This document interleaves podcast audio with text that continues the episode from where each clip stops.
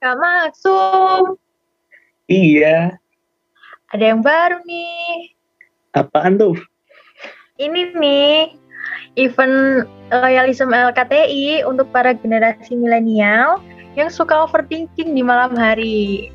Buat kalian yang gabut malam hari suka overthinking, lebih baik kalian ikut lomba ini, loyalism LKTI, yang diadakan di IT Telkom Surabaya. LKTI Loyalism yang bikin ide-ide gitu kah? Iya, betul banget tuh Kak Maksum. Ide-ide yang bermacam-macam. Tetapi di sini ada subtema sendiri, yaitu ada Oke. maritim, transportasi, logistik, fintech dan ekonomi digital, AI dan big data, dan energi terbarukan. Nah, untuk rewards-nya sendiri nih teman-teman, ada total hadiah sampai 10 juta rupiah dan Uh, di- menarik. e-sertifikat dan tentunya untuk 20 artikel terbaik akan dipublikasikan di https journal.ittelkom.sb.ac.id slash LKTI. Syaratnya apa aja nih kalau pengen ikutan? Nah, untuk persyaratannya, di sini ada mahasiswa D3, D4, atau S1 seluruh Indonesia. Setiap tim beranggotakan 2-3 orang, dan setiap anggota boleh berasal dari program studi yang sama maupun berbeda, tetapi harus dari institusi yang sama. Dan Oke. syarat terakhir, yang pastinya karya harus bersifat orisinil. Oke, biayanya nih gimana nih Kak kalau biayanya? Nah, kalau biayanya tentu aja jangan khawatir. Uh, untuk abstrak gratis nih teman-teman, tetapi full paper dikenakan biaya sebesar 75.000. Tetapi untuk mahasiswa internal IT Telkom Surabaya, jangan khawatir nih.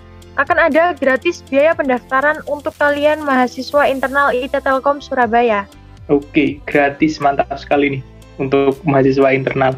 Untuk jadwal-jadwalnya Kak? Nah, di sini ada timeline. Yang pertama ada pendaftaran dan pengumpulan abstrak gelombang 1 yang ada di tanggal 20 September hingga 10 November 2021. Lalu diikuti sosialisasi LKTI ada di tanggal 13 November 2021. Lalu pendaftaran dan pengumpulan abstrak gelombang kedua ada pada tanggal 16 November hingga 11 Desember 2021.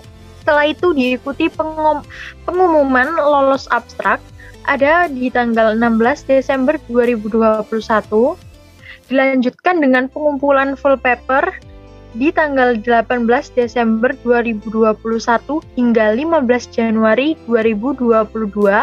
Lalu diikuti pengumuman lolos full paper di tanggal 28 Januari 2022 setelah itu ada pengumpulan poster di tanggal 1 hingga 9 Februari 2022. Lalu eh, adanya virtual poster di tanggal 12 Februari 2022. Lalu ada pengumuman finalis LKTI yang ada di tanggal 15 Februari 2022. Diikuti dengan pengumpulan video presentasi pada tanggal 16 hingga 23 Februari 2022.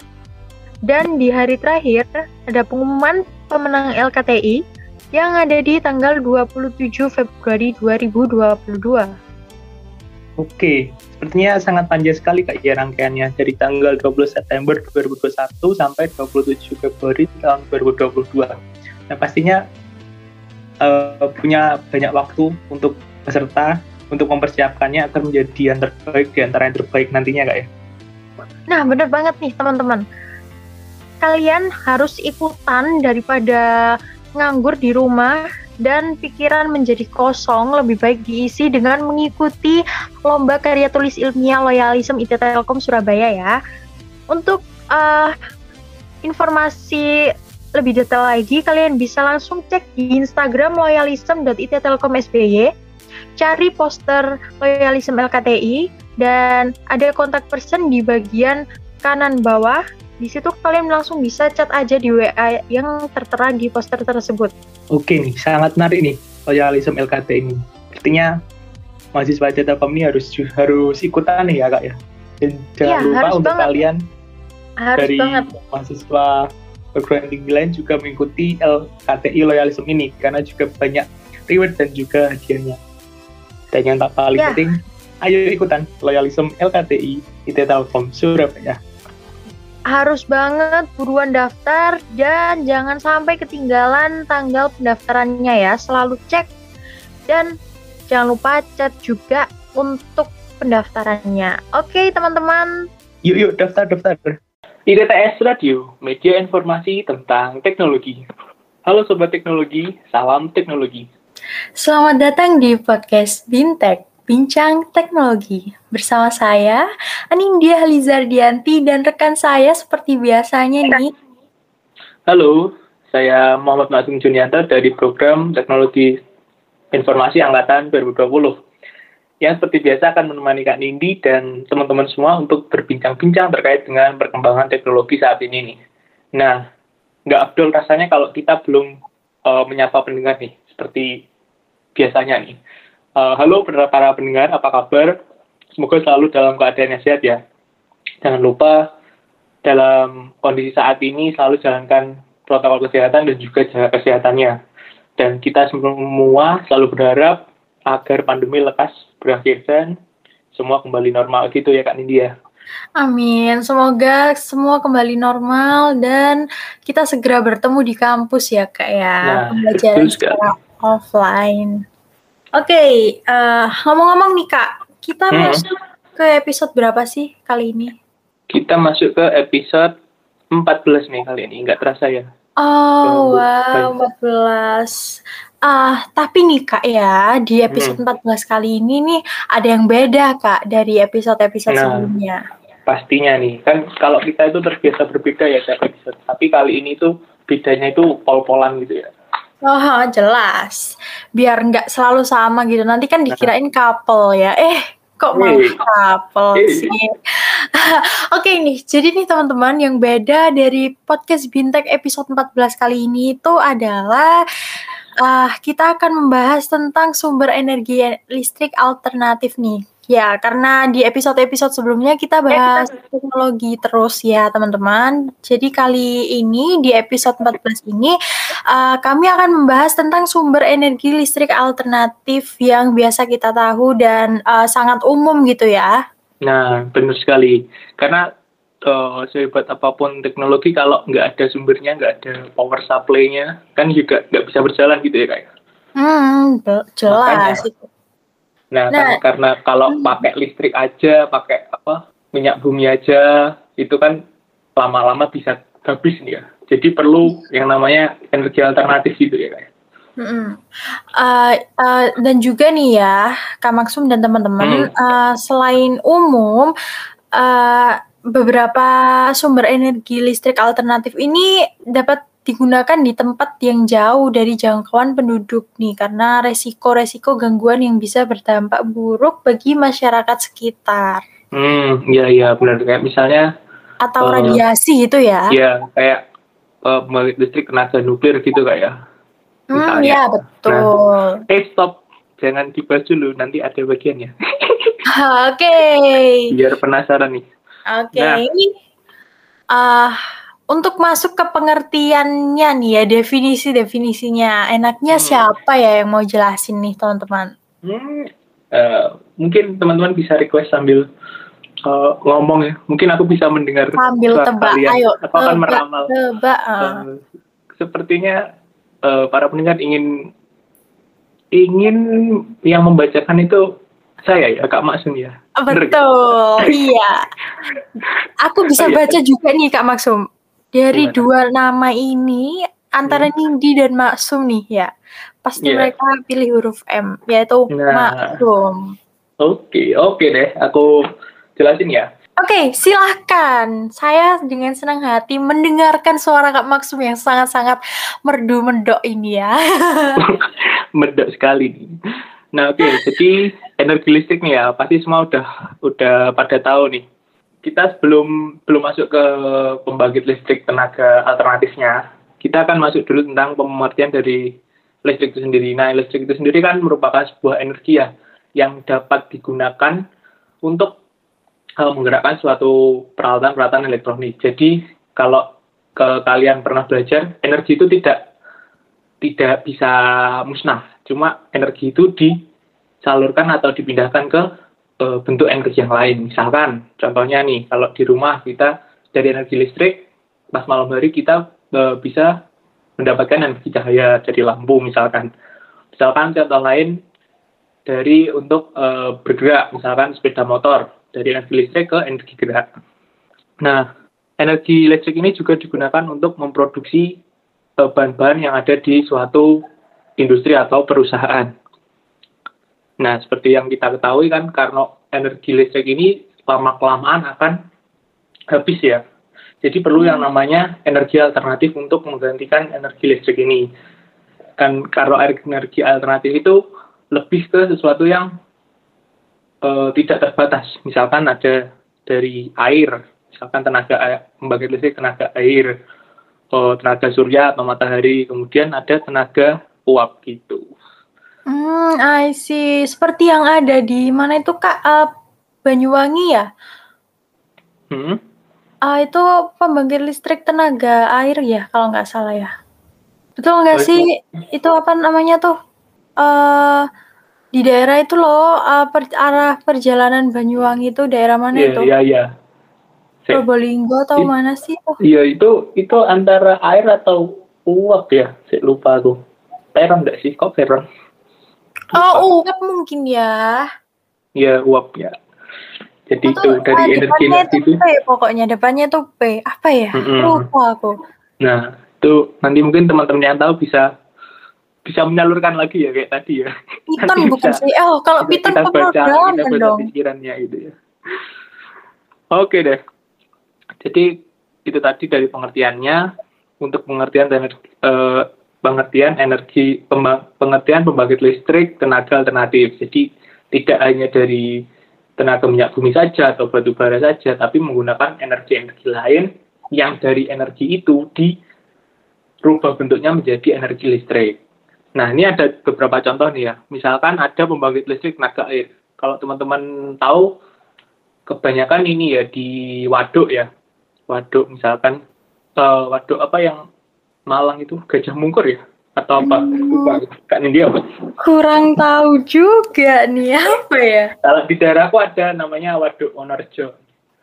Oh iya, aku pernah tuh ke situ. Loh, pernah ternyata. Pernah tuh Wah. bagus bagus juga. Ya, bagus. Ya. Itu juga hmm. di situ juga dibuat pembangkit listrik tenaga airnya. Nah, jadi energi air ini atau kita menyebutnya biasanya hydropower ini merupakan macam sumber energi yang dihasilkan dari kekuatan air. Hmm. Nah, untuk menghasilkan energi ini biasanya dilakukan dengan membuat bendungan atau menampung air tadi di waduk. Jadi dari waduk itu eh, airnya tersebut akan diarahkan menuju turbin dan melalui pipa hmm. air atau mungkin secara langsung. Nah, yeah, yeah, makin yeah. banyak air yang mengalir pada turbin, energinya juga yang dihasilkan akan semakin besar jadi hmm. energi ini juga bergantung pada pasokan air. Nah, air ini kan juga sesuatu yang bisa dikatakan uh, tidak terbatas ya. Misalkan dari air hujan kita bisa di waduk itu bisa menampung airnya sehingga bisa menggerakkan turbin yang ada di waduk itu sendiri. Hmm. Nah, pada hmm. umumnya macam pembangkit listrik ini dipasang tepat di sebelah sumber air yang cukup besar seperti bendungan, waduk atau sungai dengan aliran air yang cukup deras. Kalau di aliran air itu biasanya di uh, pegunungan-pegunungan atau di daerah dataran tinggi ya bisa hmm. dimanfaatkan itu dengan memanfaatkan aliran air dari yang tinggi ke rendah untuk menggerakkan si turbinnya gitu. I gitu. see, oke, okay. seperti itu ya jadinya Kak Maksum ya. Hmm. Uh, selain air nih, ada apa lagi Kak Maksum? Selain air nih, yang sering kita jumpai juga, mungkin juga teman-teman. Apa tuh? Tenaga matahari ini, tenaga Wah. matahari pagi yang sering berjemur. Jangan-jangan kalian yang berjemur juga ada listriknya nih. Pokoknya bukan aku ya yang sering berjemur. Kelamaan berjemur, sebetulnya jadi punya listrik. Pokoknya bukan aku ya yang sering berjemur karena bangun aja kesiangan. Lah, kalau berjemur ini ya kalau siang-siang nanti muncul flag-flag. ya, uh, jangan lupa sunscreen sih. Apalagi nah, iya Mm-mm. Kalau belinya di all shopku. oh ya, oh iya, Nindi ini punya all shop ya, jadi Oh, bisa teman-teman yang eh, yang tertarik dengan sesuatu kosmetik-kosmetik itu Kak Nindi ada ya.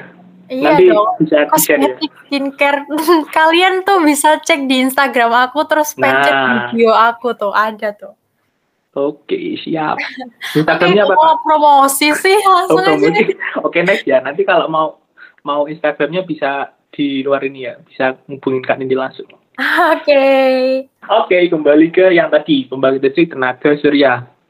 Jadi seperti air, matahari ini merupakan energi yang tidak terbatas ya. Di eh, matahari ini kan juga termasuk bintang kalau kita dulu eh, SMA belajar tentang tata surya, yang dia menghasilkan energi eh, cahaya itu sendiri.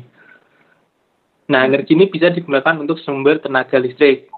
Nah, berbeda dengan eh, PLTA, pembangkit listrik tenaga air, kalau PLTA kan cuma menggunakan turbin, di mana notabene-nya itu eh, jauh lebih murah atau lebih terjangkau. Kalau di PLTS, pembangkit listrik tenaga surya ini, harganya atau biaya yang diperlukan itu sedikit lebih mahal, karena untuk membangun reaktornya itu atau eh, solar cell-nya ya kalau kita nyebutnya Kak India. Hmm. Nah, kalau air Oh, tadi aku kira eh, aku kira kalau tenaga matahari itu lebih murah loh Kak Maksum. Ternyata lebih mahal ya. ya lebih mahal sedikit di di ininya sih di apa pembangunan awalnya. Jadi setelahnya itu bisa bisa juga hampir sama atau lebih murah dari PLT yang air tadi. Hmm, ya ya Nah, ya. manfaatnya juga sangat banyak nih. Kan juga ada ya sekarang rumah-rumah itu eh, baik sebagian ataupun seluruhnya itu sudah pakai PLTS ini ya. Jadi nggak mereka nggak kelistrikan mereka itu tidak disuplai dari PLN, cuma dia mereka menggunakan energi alternatif dari matahari ini. Hmm, ya ya. Oke. Kayaknya nanti kita Ya. bisa membangun rumah, eh maksudnya maksudnya membangun rumah masing-masing yang menggunakan PLTS ini gitu. Oh iya, ah, maksudnya gitu loh. amin aja Rumahku nggak sama sih? rumahmu gitu. Ah, ah, amin aja nggak sih? Karena kan eh, biaya reaktornya tuh kan juga lo- cukup mahal ya. Nah, Jadi, jadi kalau misalkan ya, buat patungan saja. itu bisa sih. tapi nanti kalau malam jadi nggak ada listrik dong. Nah, itu juga yang jadi ininya eh, persoalannya. Biasanya kalau cell juga itu juga mereka juga menanamkan eh, tenaga penyimpanan dalam bentuk bisa baterai misalnya, baterai dengan kapasitas yang besar gitu. Kayak semacam Hmm. mungkin eh, baterai seperti baterainya di mobil listrik itu terus disusun beberapa jadi untuk mengcover kelistrikan seluruh rumah itu cukup untuk malam harinya. Hmm, Gitu. hmm. Oh, Cuaca ini juga menentukan ya. Kalau misalkan mendung sinar mataharinya kurang gitu juga agak agak eh, listriknya yang didapat itu juga agak kurang. Tapi karena bantuan dari si baterai itu kan energi yang kemarin udah didapat bisa dipakai saat ini gitu. hmm. Oke, seperti itu. Oke. Langsung Lanjutnya nih, eh, ya. apa nih setelah matahari Udah, dan oh. air? Tadi udah air, angin, Udara air. nih ya. surya. Nah, ini sekarang ada udara atau angin PLTA juga cuma PLTA-nya ini angin. Nah, angin ini juga merupakan salah satu sumber energi alternatif yang ramah lingkungan dan juga saat ini sudah banyak dikembangkan di berbagai negara. Nah, Indonesia ini me- memiliki potensi energi per- ter- energi baru terbarukan yang sangat besar, termasuk di angin ini dan juga nanti ada kita bahas tentang panas bumi atau geothermal. Hmm. Namun pemanfaatnya belum optimal karena juga ini ya teknologinya belum terlalu ada. Nah kalau teman-teman pengen tahu tentang pembangkit listrik tenaga angin, kita ada ya di rooftop itu penelitian tentang PLTA ini. Jadi juga hampir sama dengan air, kita pasang turbin, cuma kalau air kan dia turbinnya digerakkan oleh si eh, airnya yang mengalir. Kalau di sini dia turbinnya dibangun tinggi gitu, jadi angin anginnya dapat memutarkan si turbin itu sendiri. Seperti itu. Ngomong-ngomong rooftop mana nih? ITTS bukan sih? Loh, iya dong, rooftop Ah BTS iya, kali aja rooftop rumahnya Kak Maksum tuh. Amin. Nanti menyusul pakai Oke, di amin, amin, amin.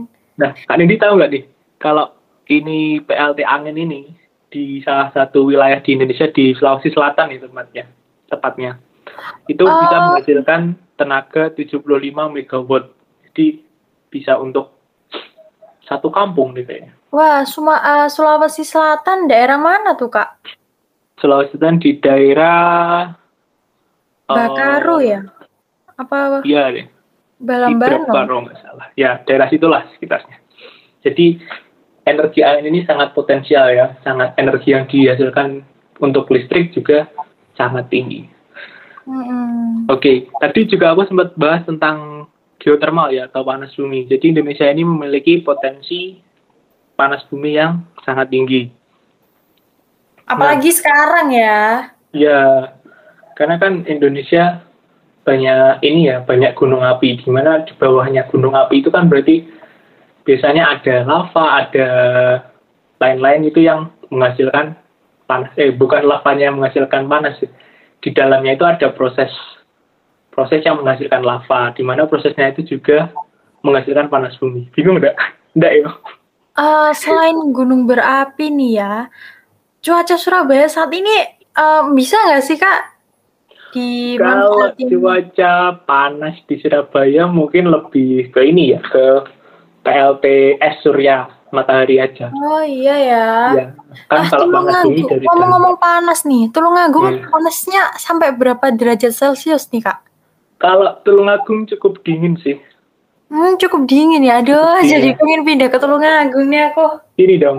Sekarang aja sih, sekarang aja sekitar piro iki? 28. Ih serius 28? Iya, berawan dan Oh, ini berawan. biasanya nih ya, lo Hah? kan, nih ya jam 10 di Surabaya tuh udah 33 derajat guys. Nanti kalau jam gitu. 12 itu memasuki 35, 34, 36 gitu. Oke, Gila. mungkin pas aku ke sana bisa ini ya, buat gambaran adaptasi ya. Siap-siap kipas. Iya. Kipas satu itu nggak cukup sih menurutku. Oke. Berarti Besok kalau butuh Ah, kalau Hmm. ngekos kan udah dapat kipas tuh ya kayak. Hmm. Tapi jangan lupa Kak Maksum bawa kipas dari Tulungagung juga. Oke, siap. Kita Nah, ini buat saran juga ya buat teman-teman yang mau kos yang mungkin di daerahnya eh, cukup sejuk terus pindah ke daerah yang cukup hangat gitu ya. Bukan cukup hangat, Oh iya. cukup panas, panas, Gerahnya minta ampun. Iya, tapi kan kalau panas tinggal nelpon Kak Nini kan jadi adem. Aduh, Aduh, mulai. aduh. Mulai kita lanjut deh daripada terlalu Kok ini. jadi adem sih? Kalau sama aku kan nanti jadi tambah anget. Oh, gitu anget ya. Oh, Iya. berarti Oh ya wis. Oke. Deh. eh kamu tentu tadi udah jelasin empat contoh ya teman-teman ya. Iya. Nah, Jadi hmm, itu tadi. nih, ya. tadi kan udah ada panas bumi yang Hmm. Indonesia ini punya energi panas bumi ini Hmm. untuk it- untuk mem- menghasilkan listrik itu. Selain itu ada apa lagi nih kak? Ah, dari keempat contoh yang dijelasin Kak Maksum ini aku masih ada beberapa contoh lagi nih teman-teman. Emang ya energi alternatif nih sangat banyak ragamnya, terus sangat bisa jadi solusi gitu ya. Betul. Nah, salah satunya ini adalah pembangkit listrik tenaga uap, teman-teman. Yang aku bilang di awal tadi, yang depannya Hmm. P, itu ternyata di daerah Paiton ya. Nah, itu aku baru inget Bener. nih, teman-teman. Aku Aduh. cuma bilang eh, cuma ingat ada P ada N-nya gitu. Ada Iya, P-nya. aku juga ingetnya gitu. Aku sempat bilang Piton tadi tuh, ternyata Oh. Python ya. Python Python. Eh, Iya, eh, ngomong-ngomong tuh kalau malam ya teman-teman yang suka ke Bali naik mobil, Nah, itu kalau malam kan pasti kelihatan tuh ya Iya, bagus banget kan ya. Bener sekali. Ke dulu pas SMP, SMP ku kan study tour itu Hmm, ke Bali ke Bali. juga kan. Ya, Lewat si Python itu pas malam juga, wih kelihatannya sangat indah. indah sekali bukan main tuh ya. Seindah memandang diri. Ya, Iya, kamu belum pernah memandang diriku secara langsung loh. Iya, betul ya. Fit call Iya. nih, fit call. Habis ini fit call ya. Aduh, jangan dong. Aku belum mandi. Oke. Oke deh. Di Python Oke. tadi gimana tuh? Eh, Python itu ah, tepatnya berada di Kap- Kabupaten Probolinggo, Kak Maksum. Hmm. Python itu nama kecamatannya ternyata ya. Hmm, Oke, oke. Oke, eh, Python ini adalah pembangkit listrik tenaga uap ya teman-teman. Nah, eh, tenaga uap sendiri itu merupakan eh, energi uap yang menggunakan energi uap itu sendiri dari hasil kinerja pompa air yang berkumpul dengan batu bara serta minyak. Nah, Oh. pertanyaannya nih ya, kalau di Hmm. Python itu kan di pinggir laut ya Kak Maksum ya? Iya. Iya, benar-benar. Nah, tapi di tengah-tengahnya itu kayak ada semacam kapal gitu. Itu apakah untuk mengambil minyak dan batu bara di dalam laut? Ya, kemungkinan. Kan Hmm. kalau Ya. ngambil minyak itu kan ada yang lepas pantai, ada yang lain sebagainya ya. Nah, itu Iya. bisa salah satunya itu yang di kapal yang Kak Nindi bahas itu. Heeh, eh, Oke, eh, jadi mungkin eh, teman-teman yang tahu, mohon ya dikoreksi nih. Apakah eh, pembahasanku ini salah? Kalian boleh koreksi ya, teman-teman ya. Oke, bisa langsung chat ya. Kak, salah. Oke, nanti eh, hubungi WA 0821111111. Oke, catat ya. Ah, nih Takutnya hasil benar.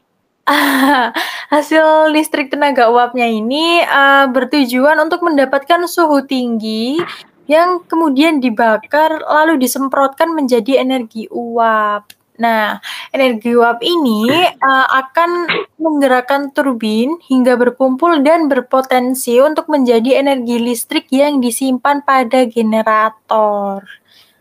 Gitu, teman-teman. Oke, berarti kebanyakan ini juga pakai ini ya, turbin ya. Yang air tadi Betul, pakai iya. turbin, angin pakai Kayaknya turbin, sih, juga. kayaknya sih hampir semua pembangkit listrik tenaga apa pun ya, Kak Ya, maksudnya.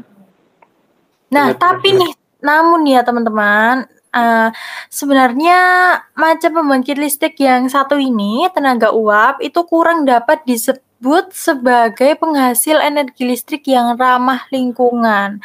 Kenapa? Karena apa? Karena uap yang dihasilkan itu cukup berbahaya apabila terhirup oleh manusia. Oke, I see, I see. Oleh karena itu ya Kak Maksum ya, eh, Hmm. PLTU yang di Python itu kan Hmm. jauh dari pemukiman ya. Benar-benar jauh dari warga dari pemukiman. Mm-mm. Dan eh, mungkin bagi yang sering berlalu lalang lewat situ naik kendaraan bermotor tuh mungkin juga harap hati-hati sama uap Iya, itu ya.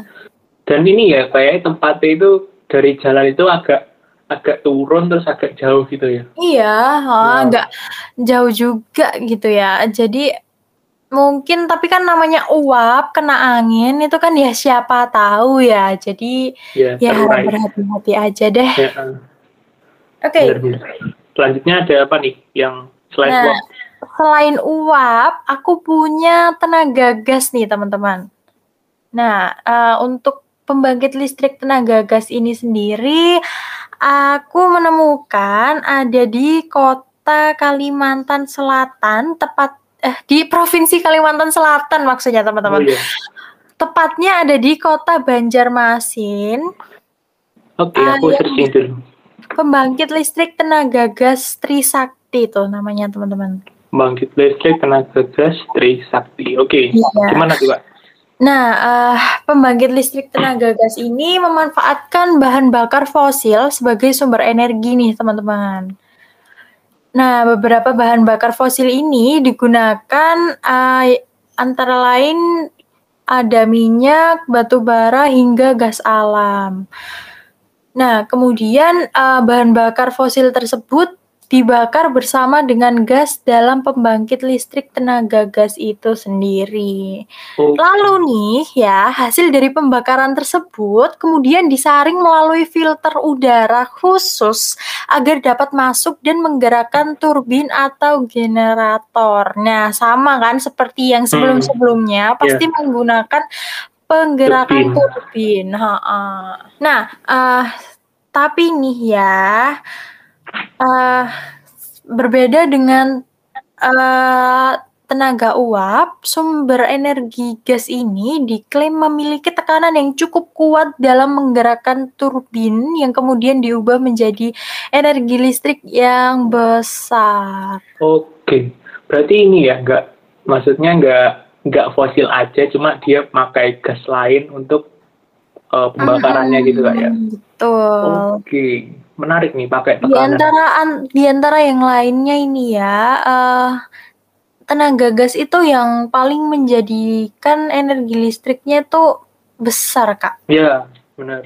Mm -mm. Karena kan main di tekanannya. Kalau air kan aliran air itu bisa bisa tinggi, bisa rendah, maksudnya bisa apa ya? Banter itu apa?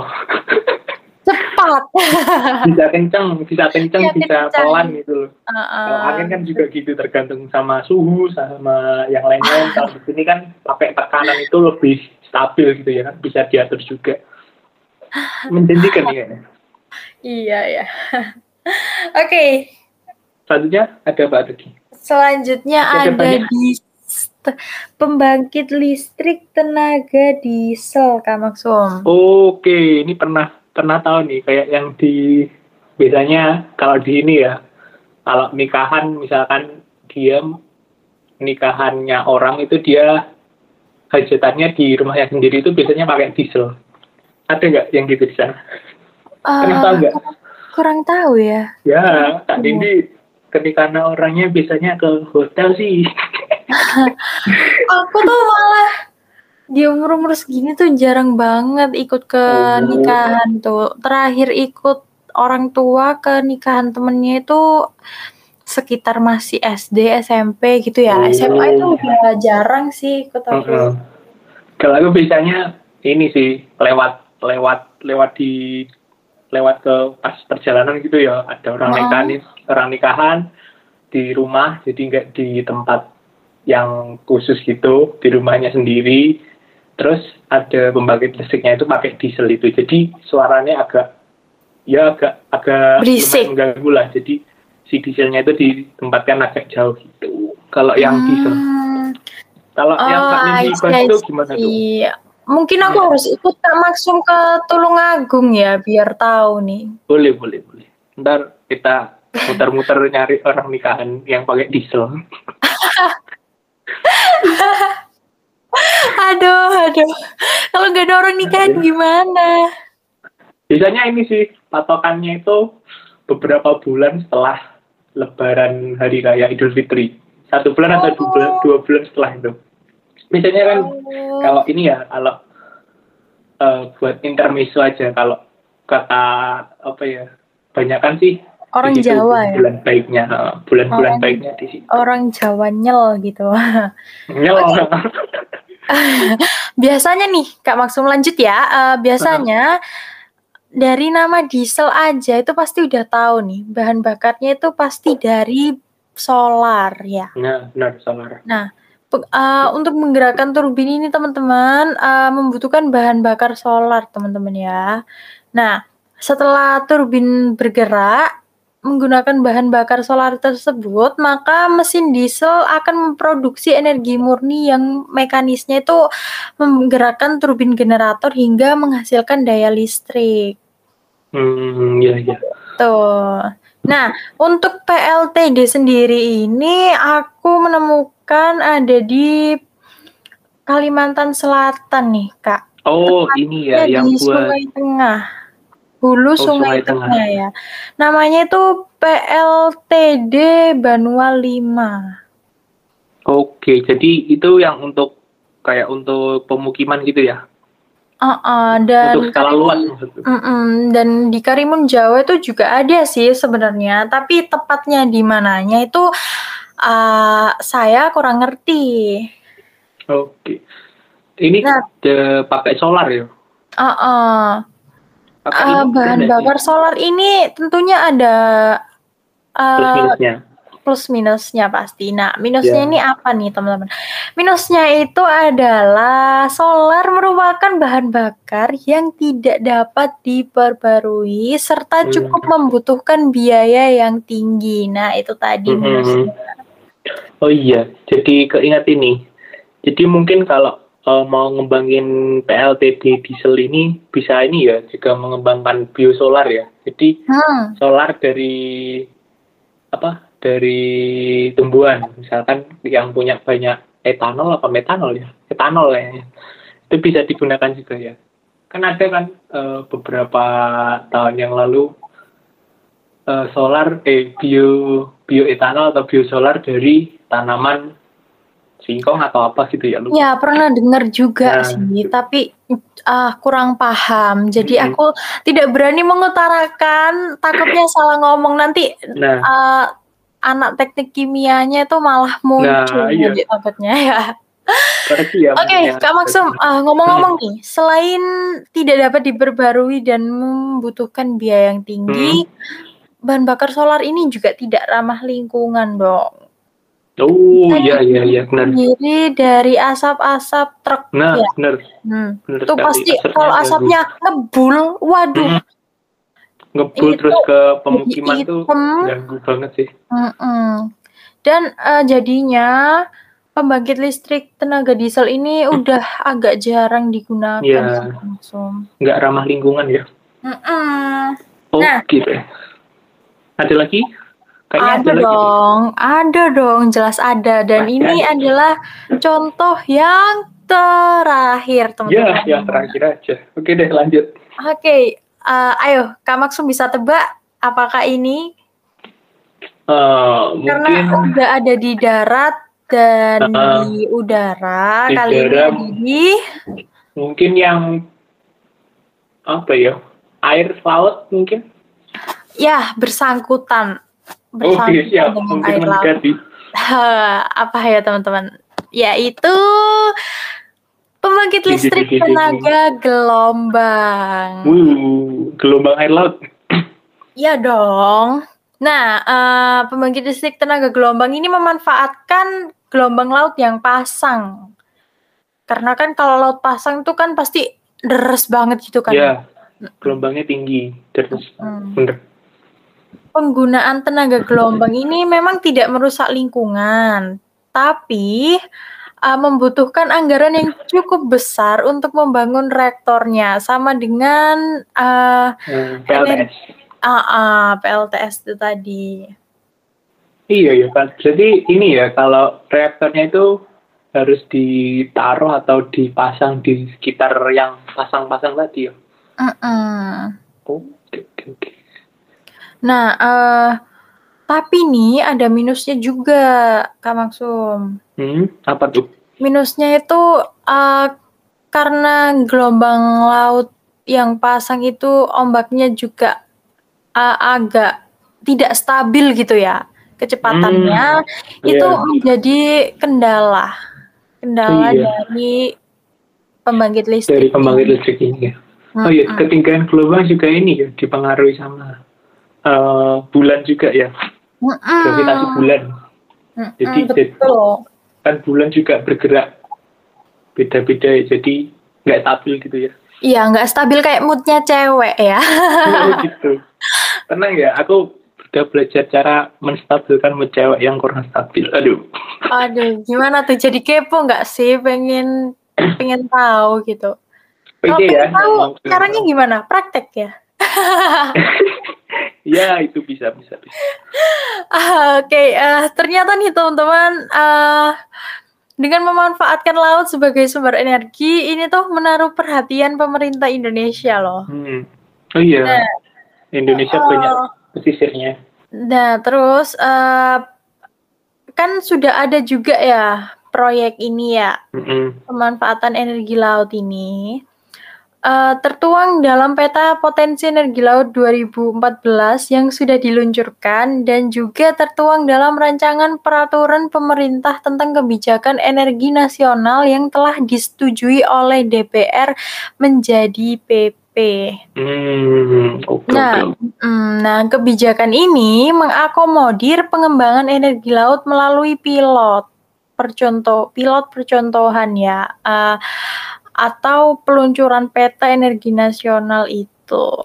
Oke, karena ini ya Indonesia kan negara kepulauan di mana banyak banyak lautnya, banyak pesisir, banyak pantainya kan jadi uh, sumbernya ini sangat berpotensi gitu ya.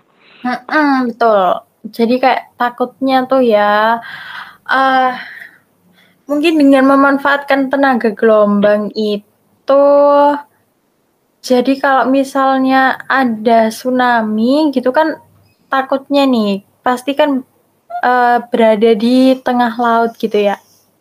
Iya, awalnya. G-nya ini ya. ya. Nah, untuk PLTG ini teman-teman, aku uh, taunya itu ada di Jambi sih. Oh, di Jambi udah udah memanfaatkan ini ya. Uh, uh, PLD PLTG, PLTG. Hari. Nah, posisi kota Jambi itu kan juga uh, kepulauan ya. Iya. Strategis buat ini, uh -uh. buat sumber energi gelombang ini. Uh, stra strategis banget gitu kan nyambung sama tuh apa tuh namanya samudra apa tuh apa itu lali deh Kirio India ya samudra India lah situ eh bukan India bawah India selatan uh, Jambi tuh juga mencakup itu loh eh iya deh Jambi iya, tuh iya, besar iya. loh ya iya iya mungkin teman-teman yang tahu bisa menyebutkan ya hmm. Oke, okay, uh, eh, okay. tempatnya ada di mana ini ya? Laut uh, dekat pokoknya dekatnya kepulauan-kepulauan gitu deh. Mm -hmm. Aduh, aku juga kurang tahu. Mungkin anak geografi nih bisa nah, menambahi nah, ini. Oke, oke. Anak geografi ataupun yang ada mata kuliah tentang geografi-geografi bisa komen ya. Oh iya dong. Komennya komennya bisa hubungin Instagram ITTS nah, Media. Benar sekali. Dan okay. jangan lupa di follow. Nah, wajib. Wajib dong. Fardu. Ada kol-kolahnya ya. Iya dong. Oke, okay, sepertinya itu tadi terakhir ya? Ya, terakhir. Iya dong, itu tadi terakhir dan Mungkin uh, ada sekiranya teman-teman yeah. yang tahu tenaga apalagi gitu bisa dong diberitahu, dikasih tahu nih kita nih. Mm -hmm.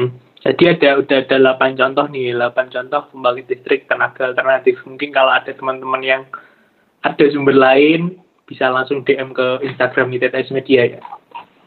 Iya dong, harus dong. Harus dong. Jangan langsung ke IG ku ya. Karena aku hanyalah tim dari hmm. ITTS Media Divisi Radio. Jadi kalau mau uh, menambahkan komentar atau keluh kesah atas kesalahan ucapan kita bisa di ITTS Media aja. Okay, ya. Karena kesempurnaan hanya milik Tuhan Yang Maha Esa ya. Iya dong. Sama okay. punyanya Andra and the Backbones ya. Nah, iya, itu lagu. Sempurna. Oke, okay, siap. Oke, mungkin part ini bakal aku ulang beberapa kali ya. Kenapa tuh? Kan Kak Nini nyanyi. Aduh. Ah, semakin semakin Kalau misalnya mau dengerin aku full nyanyi, mm -hmm Hmm, nanti aku bikinin konten YouTube deh spesial okay, buat maksum dan pendengar-pendengar. Boleh collab gak nih? podcast Bintek ini. Collab. Collab, collab. Tunggu, tunggu aku viral dulu ya baru collab. Oke, okay, siap. Oke okay, okay. deh. Sepertinya pembahasannya udah cukup ya buat Iya, daripada kita semakin ngalor ngidul ya. nah, ya. Semakin ngalor ngidul, ngetan ngulon. Aku sudahin saja pembahasan di episode Bintek 14 ini. Oke, jangan lupa untuk selalu pantau episode-episode dari Bintek karena setiap minggu akan ada episode yang paling yang semakin menarik dan semakin menambah wawasan kalian. Betul sekali. Dan jangan lupa di follow IG TTS Media ataupun uh, Spotify ini juga ya. Kalau bisa Benar kalian follow, bisa kan ya di follow? Bisa dong. Karena follow itu gratis. Nah, karena follow itu gratis. Oke. Dan jangan lupa di-share tuh teman-teman Nah, itu biar kita tuh semakin terkenal gitu. Ya, kalau di YouTube biar kita semakin semangat untuk bikin kontennya. Oke. Oh, jelas. Biasanya gitu. Siapa Oke tahu ya Mm. kita bisa go nasional. Oh iya, Se, amin. sur- se, se Surabaya naik ke tingkat provinsi terus Nah, benar. ke Indonesia. Amin. Keren banget gak sih? Amin, amin. Oke teman-teman, segitu dulu pembahasan uh, podcast di episode ke-14 ini. Apabila ada kekeliruan atau kekurangan dari pembahasan kita, uh, mohon dimaklumin karena ilmu kita juga tidak sebanyak teman-teman ya. Jadi ya segitu dulu Iya. deh. Oke. Kita sharing-sharing aja. Kita uh, kita hanya sebatas sharing-sharing aja nih atas pengetahuan dari diri kita masing-masing gitu teman-teman. Oke. Oke. Sampai Uh, bertemu minggu depan. mm-mm, stay healthy dan uh, apalagi nih dan tetap Tapi- semangat kerjakan tugas-tugas kalian apabila iya. tugasnya menumpuk ya seperti saya dan Kak. Oke. Tetap semangat dan jangan pernah putus asa teman-teman. Semoga Oke. kalian bisa lulus dengan hasil yang memuaskan. Oke. Amin amin. Sampai see jumpa di podcast Bintek episode 15 yang ada di minggu depan. Kami Kami- pamit. Kami pamit. Wassalamualaikum warahmatullahi wabarakatuh.